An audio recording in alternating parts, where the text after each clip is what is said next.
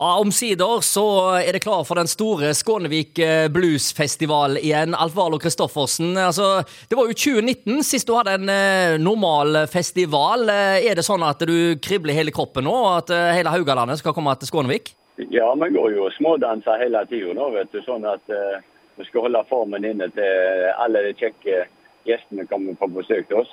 Ja, Dette her blir jo magisk. Eh, Du har jo litt av en lineup. line-up. Vi har jo nevnt det flere ganger eh, før. Eh, Nå ser jeg at eh, lektoren er på plass igjen òg. Da er vi jo klare til å fylle med border og barer og sånne folk som kommer og yter musikk og en kald. Du, eh, Hvordan løste du dette her med sirkusteltet? Disse ukrainerne som eh, skulle hjelpe med å reise det, de eh, kunne ikke komme. Hvordan ble det?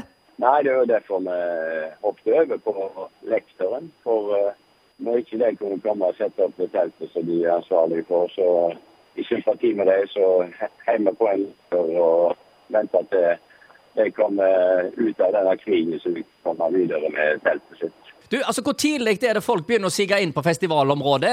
Begynner de allerede nå i dag, eller? Det kommer jo folk sigende allerede. Og vi har jo et uh, forspill på onsdagen på of Blues, et gratis eh, arrangement der det blir kanontrykk, og folk er bare så begeistra at de vet ikke hva fot de skal stå på.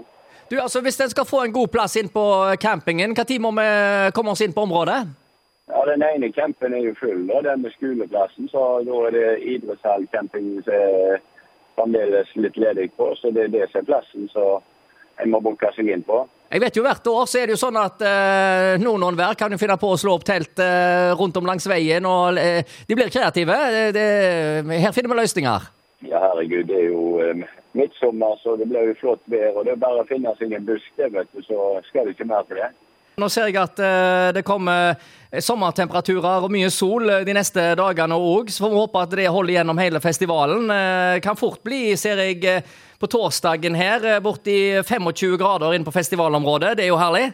Ja da, det er jo bare supert det, vet du. sant? Eh, Bare, bare passe på å smøre nesen så gjør det bra, dette her.